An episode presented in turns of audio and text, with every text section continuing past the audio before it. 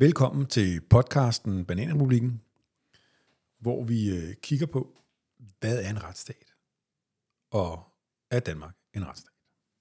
Vi øh, har, får en del øh, lytterhenvendelser, og det er vi meget glade for og meget taknemmelige for, at der er lyttere derude, der interesserer sig for det, vi taler om, og også kan genkende sig selv i nogle af de ting, vi taler om.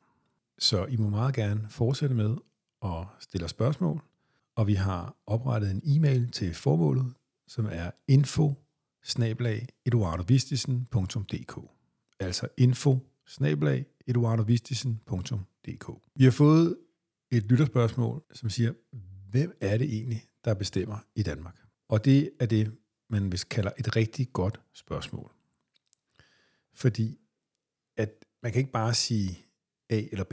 Det, man har gjort med magten i Danmark, og man har gjort det faktisk i stort set alle andre demokratier i, i verden, det er, at man har delt magten ud på forskellige instanser.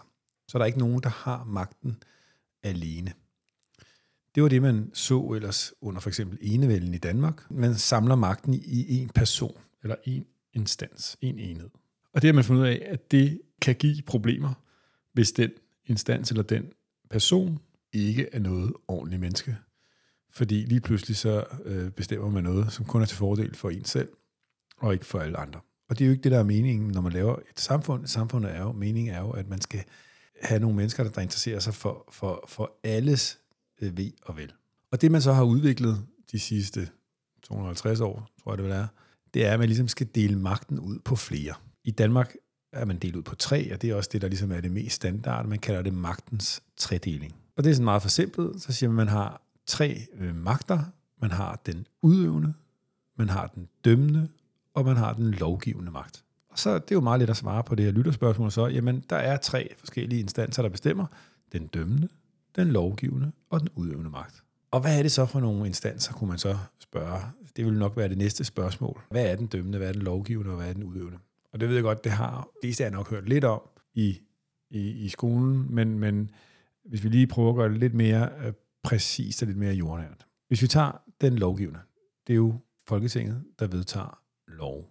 Så er det jo sådan, at hver gang, at vi har et samfundsproblem i Danmark, så siger at der må nogen, der gør noget, der må, vi må vedtage en anden lov, som gør, at nu forsvinder det her samfundsproblem. Så man, ligesom, man lægger ligesom løsningen og magten over på, på, på, på lovgiverne og siger, hey, find lige på en lov, så det her problem går væk. Det er den lovgivende magt. Så har vi den dømmende magt. Den dømmende magt, det er domstolen. Det er dem, der fortolker lovene og løser, kan man sige, alle de problemer, som der er i samfundet, hvor man ikke har lavet, øh, hvor man ikke har lavet specifik lovgivning om, om det ene eller det andet. Der må man sige, at der har domstolen en kæmpe opgave, fordi at politikerne kan jo ikke detaljeregulere alt i hoved og bagdel, skal man sige det på den måde. Øh, og derfor er der jo selvfølgelig en masse ting, som man ikke specifikt har taget stilling til, og der er en masse ting, man skal afveje mellem, øh, mellem hinanden, og derfor så har man den dømmende magt. Og det sidste, det er så den udøvende magt, og det er hele forvaltningen. Det er alle ministerier, det er alle øh, styrelser under ministerier, ministerier. Så det er ikke kun politiet. Det er jo sådan den, den øh, øh for at tale med lidt yngre mennesker, så, så tænker de, at den udøvende magt det er selvfølgelig politiet, for det er det, man ser, der har magten. Og, men det er altså ikke dem alene. Det, der er det specielle ved politiet, det er, at de har voldsmonopolet. De er de eneste, der må bruge magt, fysisk magt. Og derfor, det er jo det, man ser som borger, der ser man, okay, hvem er det egentlig, der kan virkelig svinge med, med, med, med håndjernen og tage folk og så videre, øh, lave rensninger, det er politiet. Og derfor så ser man dem som det ypperste, kan man sige, af en, af en udøvende magt, spids, øh, sige, spidsen af det.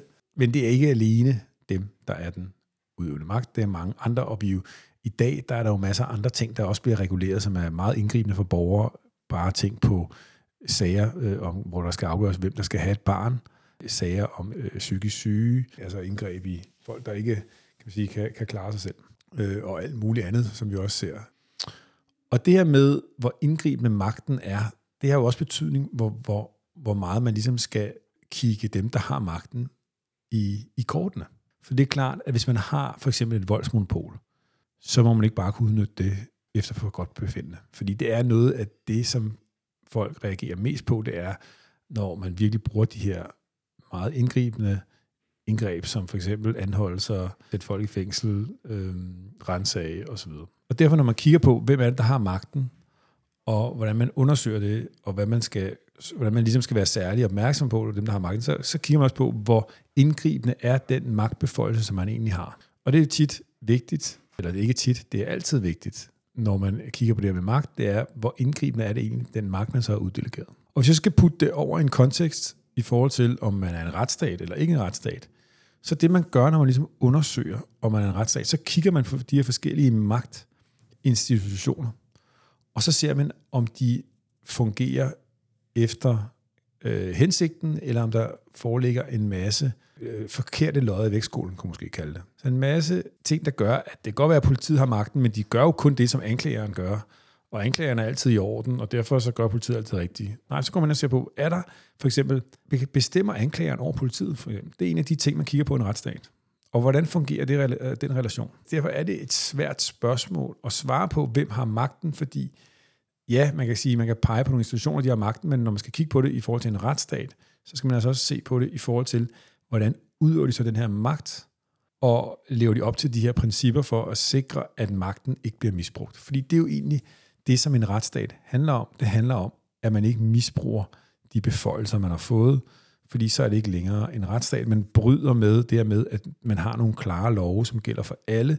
Det er det brud, man kigger på. Om er det nu også sådan et tilfælde, at man bare har en lov, og så gælder den for alle? Så jeg ved godt, det var et meget langt svar på et meget kort spørgsmål, men det rammer virkelig ned i vil jeg sige, kernen af, hvad det her med øh, retsstaten og bananrepublikken handler om.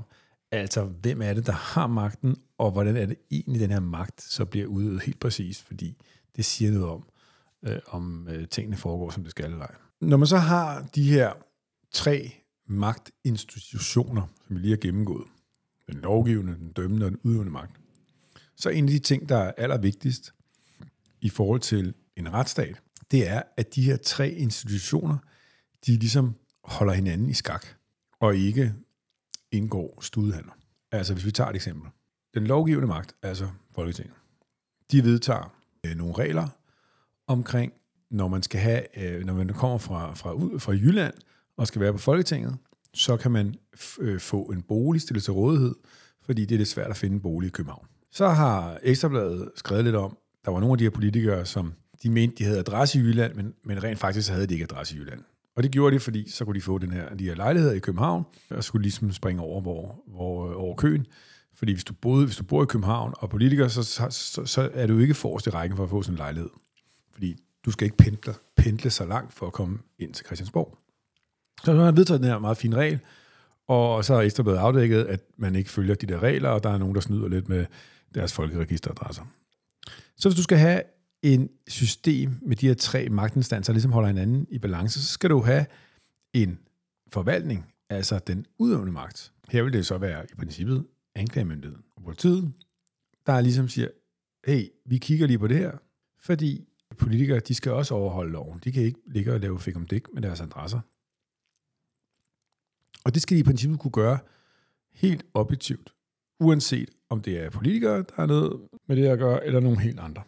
Og hvis man så kan gå ind og se, at anklagemyndigheden og den, altså den udøvende magt, de ligesom favoriserer den lovgivende magt, når de kigger på sager, så vil man sige, så er der ikke den her objektive tilgang fra anklagemyndighedens side, og det er i sig selv et problem i forhold til retsstaten, at man ikke ligesom behandler alle folk lige. Det er en af de checkpunkter, man simpelthen går ind og kigger på. Hvordan kigger anklagemyndigheden på sådan nogle sager?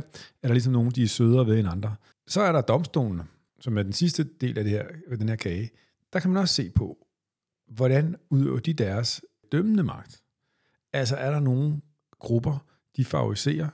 Vi hørte jo i det interview med øh, Torben Henriksen, som havde talt med en, en, en dommer, som sagde, jamen de havde de her fem tommelfingersregler, der var nogen, der altid skulle have ret, og nogen, der altid skulle tabe. Hvis man ligesom kan lægge det ned over de domme, der er, man kan se, at det passer meget godt. Altså, øh, nu kan jeg det, jeg husker bedst, det er jo fordi, at jeg er skattemand, det var, at, at Skatteministeriet altid skulle vinde, øh, og man kan ligesom se, at det, det passer egentlig meget godt. Og det gør det faktisk, hvis man kigger i statistikken, at, at, at Skatteministeriet fik medhold i 95 procent af alle sager for et par år siden. Så er det, man går ind og siger, er der så det her, er der, har den her, den dømmende magt, er de så kritiske nok over for den udøvende magt? Eller er de netop det her gummistempel, som der også blev snakket om i den her podcast, i forhold til den udøvende magt? Og det er et problem i forhold til retsstaten, at de her magt, dem der har magten, at de ikke holder hinanden i skak. Der er en forbrødring mellem dem, så er det altså sådan, at så kan man jo i princippet ende med at blive sådan et semi, øh, jeg ved ikke, man skal kalde det diktatur, men, men altså en semi-selvbestemmende enhed, der egentlig bare gør, hvad de, hvad, hvad de vil. Altså, I kan for eksempel se eksemplet. Hvis vi nu har, hvis den udøvende magt går sammen med den dømmende magt, så kan de på princippet beslutte sindssygt meget. Jeg ved godt, du stadig har politikerne, der beslutter nogle, nogle regler, men meget af det er jo meget, meget teknisk, og derfor så, hvis du ligesom får, får, får præbet politikerne til de her regler, altså I, skal skrive det her, det, i, det her, i den, den paragraf, og, og det er meget teknisk, og politikerne ikke forstår det, jamen så kan man i princippet lave en eller anden form for bypass af det, den retsstat, man egentlig har. Og det, derfor er det vigtigt, at de her magtinstanser ligesom er uafhængige af hinanden og holder hinanden i skak. Øh, og det er en af de vigtigste ting, man kigger på, når man kigger på, hvorvidt noget er en retsstat eller ej. Hvordan får man magten i Folketinget? Og det ved de fleste, det kender de fleste egentlig noget til, fordi de ved, at der er folketingsvalg senest hver fire år, og så stemmer man, og så er der nogle personer, der kommer ind, og det er dem, der har magten, den lovgivende magt. Men der er altså de to andre instanser, de to andre magtfaktorer, kan man sige, i Danmark, og det er den udøvende magt og den dømmende magt. Og hvordan får man så magten der? Der må man sige, at Danmark, der bliver man ikke demokratisk valgt, hverken når du har den udøvende magt, det skal vi huske på. Den udøvende magt, hvad er det? Det er embedsfolk, det er ministerierne, det er styrelserne, princippet også kommunerne, altså de embedsmænd, der arbejder der, og der er ingen af dem, der ligesom er valgt. Så det, man kan ikke bare på samme, på samme vis som Folketinget sige, der er nogen, der har stemt på nogen, og så er det dem, der har magten. Det foregår en helt anden vis. Og så er der den dømmende magt, altså domstolene. Der øh, er der heller ikke nogen demokratisk proces, der foregår der. Så man kan sige, det meste af magten i Danmark, dem får, den får man ikke på demokratisk vis. Det er kun den lovgivende magt, der er på demokratisk vis. Og det er anderledes end nogen lande i hvert fald. Hvis vi lige tager det her med, med, med at blive dommer i Danmark, så er det en øh, meget lukket proces, som øh, foregår nu her de sidste 20 år ved, at man har et dommerudnævnelsesråd, der modtager øh, ansøgninger og øh, så øh, indstiller til justitsministeren, hvem synes de, der skal være dommer i den og den.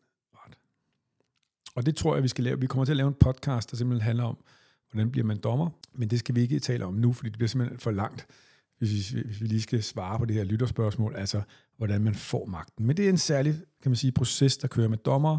Den er ikke, det er ikke en demokratisk proces, det er en, en proces med et dommerudnævnelsesråd, og så kører det. Og det, der er vigtigt i forhold til, hvis vi lige husker på, at det hele handler jo om retsstaten. Der. Hvad er det, retsstaten siger om dommerudnævnelser? Den siger, at du behøver ikke at have nogen demokratisk proces. Du må også gerne have en proces, der ikke er demokratisk. Men det, man bare skal sikre, det er, at den proces, der er der, den er meget, meget, meget uafhængig. Fordi at ellers, det må ikke ende med at blive sådan en form for selvsupplerende dommerklub, der bare udpeger dem øh, deres egne gode venner, øh, så, så, kan man sige, så, øh, så, er ligesom, så går magten ligesom i, i indavl, hvis man siger det på den måde, og det, øh, det går ikke. Og så er der altså den sidste magt tilbage, af de formelle magter, den udøvende magt, altså embedsmændene, folkene, og der har man heller ikke nogen demokratisk proces i Danmark omkring det overhovedet. Det har man, det, det er også sjældent, man har det, vil jeg sige, i andre lande, men man har mere tendenser til det. Øh, hvis vi nu tager i USA, er det jo mest kendte eksempel. Altså når en ny præsident bliver valgt i USA, så rykker embedsskaren ud, så, så tager han ligesom sine embedsmænd med ind. For han ved, at han vil have nogen, der ligesom bakker ham op.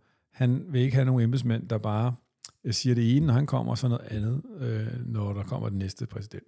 Og derfor har man, det er ikke en demokratisk valgt embedsskare, men de på en eller anden måde har en, en forbindelse til det demokratisk valgte, fordi det er ligesom dem, der siger, det er dem her, vi gerne vil have. Og det har man i nogle lande, og i andre lande, som Danmark, der har man en embedsskare, som ikke er øh, hverken demokratisk valgt, eller på en eller anden måde udpeget af de mennesker, der er demokratisk valgt. Og det må man også gerne. Der er ikke noget øh, ulovligt i det. Og det, man kigger på der i forhold til retsstaten, det er ligesom, at de embedsmænd, der er, arbejder de helt objektivt, eller arbejder de efter øh, ting. Man kan sige, har, er der falske lodder i vægtskålen? Kigger de kun på nogle sager og ikke på andre sager? Og sådan noget. Så man kan, godt, man går også derind i forhold til en retsstat og ser på, hvordan øh, de her embedsmænd så arbejder. Vi ved jo, at vi har allerede haft en podcast, om man må stævne embedsmænd, og man må gøre dem ansvarlige, og det må man gerne. Og det er jo faktisk en af de allervigtigste retsstatsgarantier, det er, at embedsmænd er ansvarlige for det, de gør. For det er klart, man kan jo ikke have sådan en særlig, øh, hvad skal vi kalde det, kaste af folk i samfundet, som bare kan gøre, hvad de har lyst til, uden at stå til ansvar for noget. Så det er en meget vigtig del af det her retsstatsprincip, at man kan, som embedsmænd er ansvarlige for det, de gør. Så vi lige vender tilbage på, på, på spørgsmålet her fra lytteren, hvordan får man magten, så er det lidt afhængig af, hvad det er for en instans, eller hvad for en magt, hvad skal vi kalde det, magtbastion, magtfaktor, du ligesom har fat i her, øh, og noget af det demokratisk, det er den, den, den lovgivende magt, og de andre to er ikke demokratisk valgte. Det er i princippet bare, at hvis du er embedsmand, så gør du karriere som embedsmand, du går derind, så er der en særlig karrierevej der, og det er også faktisk som dommer, øh, vil man sige, at, at halvdelen af alle dem, der er dommer i dag, det er ren karriere fra starten, og resten er primært en karriere, hvor du så har været embedsmand, og så bliver dommer. Så altså det, vi kan se, det er, at det er kun en af de tre formelle magter, der er demokratisk valgt. De to andre er ikke demokratisk valgt. Og spørgsmålet er, hvor meget den almindelige dansker er klar over, at det meste af magten i Danmark er slet ikke demokratisk valgt. I princippet, hvis man bare tager det sådan for godt for lige fra, fra, fra, fra, fra det glatte ansigt, så er det altså to tredjedel af magten er slet ikke bestemt af folket. Og er folk klar over det, når de går ind i en, en du går ind i, i familieretshuset, og så er der nogle mennesker, der skal afgøre noget, der har sindssygt stor betydning for dig og din familie, og de mennesker, der gør det, de er ikke demokratisk valgt. Det samme, når du går ind ved domstolene. Du, går, du står for nogle dommer, der skal afgøre noget, der er meget vigtigt for dig. De dommer, der er der, de er ikke demokratisk valgte. Jeg er ikke sikker på, at de fleste er klar over det, og tænker over det, og om man, hvis man var klar over det, vil ønske det var på en anden vis. Men i hvert fald må man bare sige, at den måde, at magten er opdelt på i Danmark, og den måde, man får magten på i Danmark, der er der en meget lille demokratisk indblanding i det. Og når der ikke er det, så er det, at man skal være lidt mere opmærksom på, hvordan den magt så bliver forvaltet, og alle de procesgarantier, der så er for dem, der får magten, også opfører sig ordentligt. Og det er blandt andet sådan noget med, at man kan kontrollere dem, der har magten. Det er for eksempel, øh, så er det helt klassisk, at man skal kunne kontrollere politiets arbejde. Og der har der jo været masser af kritik i Danmark af, at i starten der havde man slet ikke en uafhængig kontrolinstans, og det har man så fået nu, men der siger alle, der bruger den, at det er, den er, der sker ingenting, hvis man klager over dem. Og det er altså sindssygt vigtigt, når man har noget magt, som ikke er demokratisk valgt, at der så er en meget, meget indgående kontrol af dem. Fordi ellers så er det altså, at magten ligesom kan, kan misbruges, fordi der ikke er noget, øh, man ikke skal stå til ansvar for den måde, man bruger magten, når man har fået den. Når man nu hører, at vi har tre formelle magter, der i princippet har hver deres lige relevante funktion, så kan man jo stille sig I selv forhold til det. Der er den lovgivende Hvor meget er det, Hvis man kigger på det os for Mediebilledet, der er, magter, så udøvende er der en, dømmende magt. forekommer en, en meget større interesse for den lovgivende magt, end de to andre magter. Og en af de ting, som retsstaten skal sikre, det er, at de to andre magter, den dømmende og den udøvende, at de spiller efter nogle særlige regler, så man sørger for, at der ikke kommer det, man kalder magtfordrejning.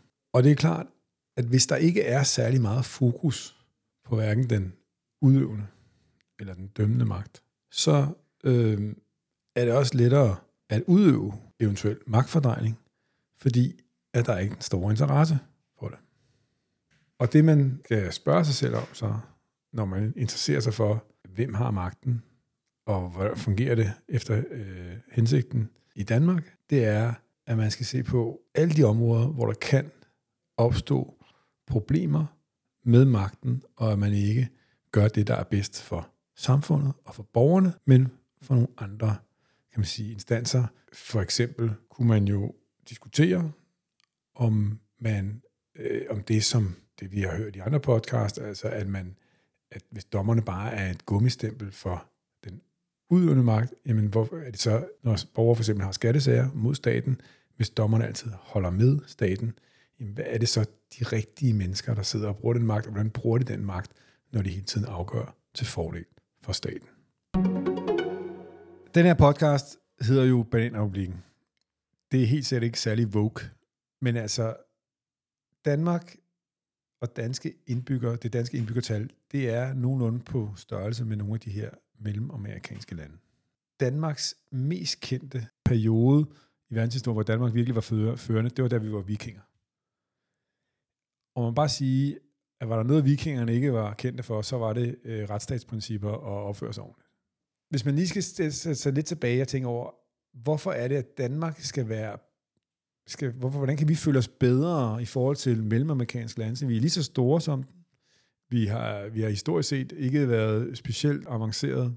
Så hvorfor er vi ikke også en bananrepublik? Eller måske ikke en bananrepublik, men en svinerepublik. Og hertil kommer, at det her med retsstatsprincipper, det er altså noget af det sværeste teoretiske, der findes. Hvis jeg skal kritisere retsstatsprincipperne, så er det faktisk, at de er for svære at arbejde med for almindelige mennesker. Og hvis de er for svære at arbejde med for almindelige mennesker, så har de heller ikke en særlig stor effekt, fordi at i princippet skulle alle kunne bruge retsstatsprincipper og menneskerettigheder hver dag i deres hverdag og sige, hey, der er noget galt. Hey, det går ikke. Og når det hele bliver så svært, så kompliceret, så bliver det bare svært at arbejde med. Og det er jo netop det, der typisk vil ske i mindre lande. Altså ligesom de mellemamerikanske lande, ligesom Danmark. Fordi når man ikke er særlig mange mennesker, så er der heller ikke særlig mange rigtig, rigtig dygtige mennesker. Og hvis retsstatsprincipperne skal virke, så skal du være ekstremt dygtig, ekstremt vidende, har set så meget, for du virkelig kan bringe dem i anvendelse. Og hvis du så er et lille land, som ikke har særlig mange, altså det er jo, det er jo ren statistik, det er jo ikke for at sige, at vi er, at vi er dumme i Danmark, vi, er bare, vi har bare ikke særlig mange af de der superstjerner, jamen så er der bare en risiko for, at netop noget, der er så kompliceret som retsstatsprincipper, at det falder fuldstændig øh, ned til jorden, fordi at det, vi er gode til i Danmark, det er jo, hvis man skal sige det lidt, lidt frægt, at lave bacon og, og sælge nogle varer. Derfor kunne man jo stille sig selv den kætterske tanke, hvor meget bedre er vi egentlig end de her mellemamerikanske lande? Hvor meget adskiller vi os egentlig fra dem? Man kan sige, at retsstaten på en eller anden måde er blevet et juridisk monster. Forstået på den måde, at det er blevet så komplekst, så mange forskellige regler og hensyn, der skal være, at ingen almindelige mennesker kan navigere i det. Og, når man, og, og grund til, at jeg så siger, at det er et monster, det er, at fordi det er så komplekst, så er det altså kun nogle få mennesker, der sidder helt oppe i toppen, der kan ligge og navigere med det her monster, og ingen andre kan navigere rundt i det. Og så er mulighederne for, at det bliver et monster, i stedet for at det bliver en meget, meget smuk, øh, fantastisk projekt, den er til stede. Og det kræver, for at det ikke skal blive et monster, så kræver det, at der sidder nogle mennesker med ekstremt gode hjerter på toppen, ekstremt meget empati og forståelse og indsigt, og navigere alle de her mennesker, som overhovedet ikke kan finde rundt i det her juridiske, øh, den her juridiske labyrint, øh, det, det kræver, at de her utrolig gode mennesker, ellers så ender det med et monster. Og spørgsmålet er, har vi fået et monster i dag, eller hvad er det egentlig, vi har med at gøre?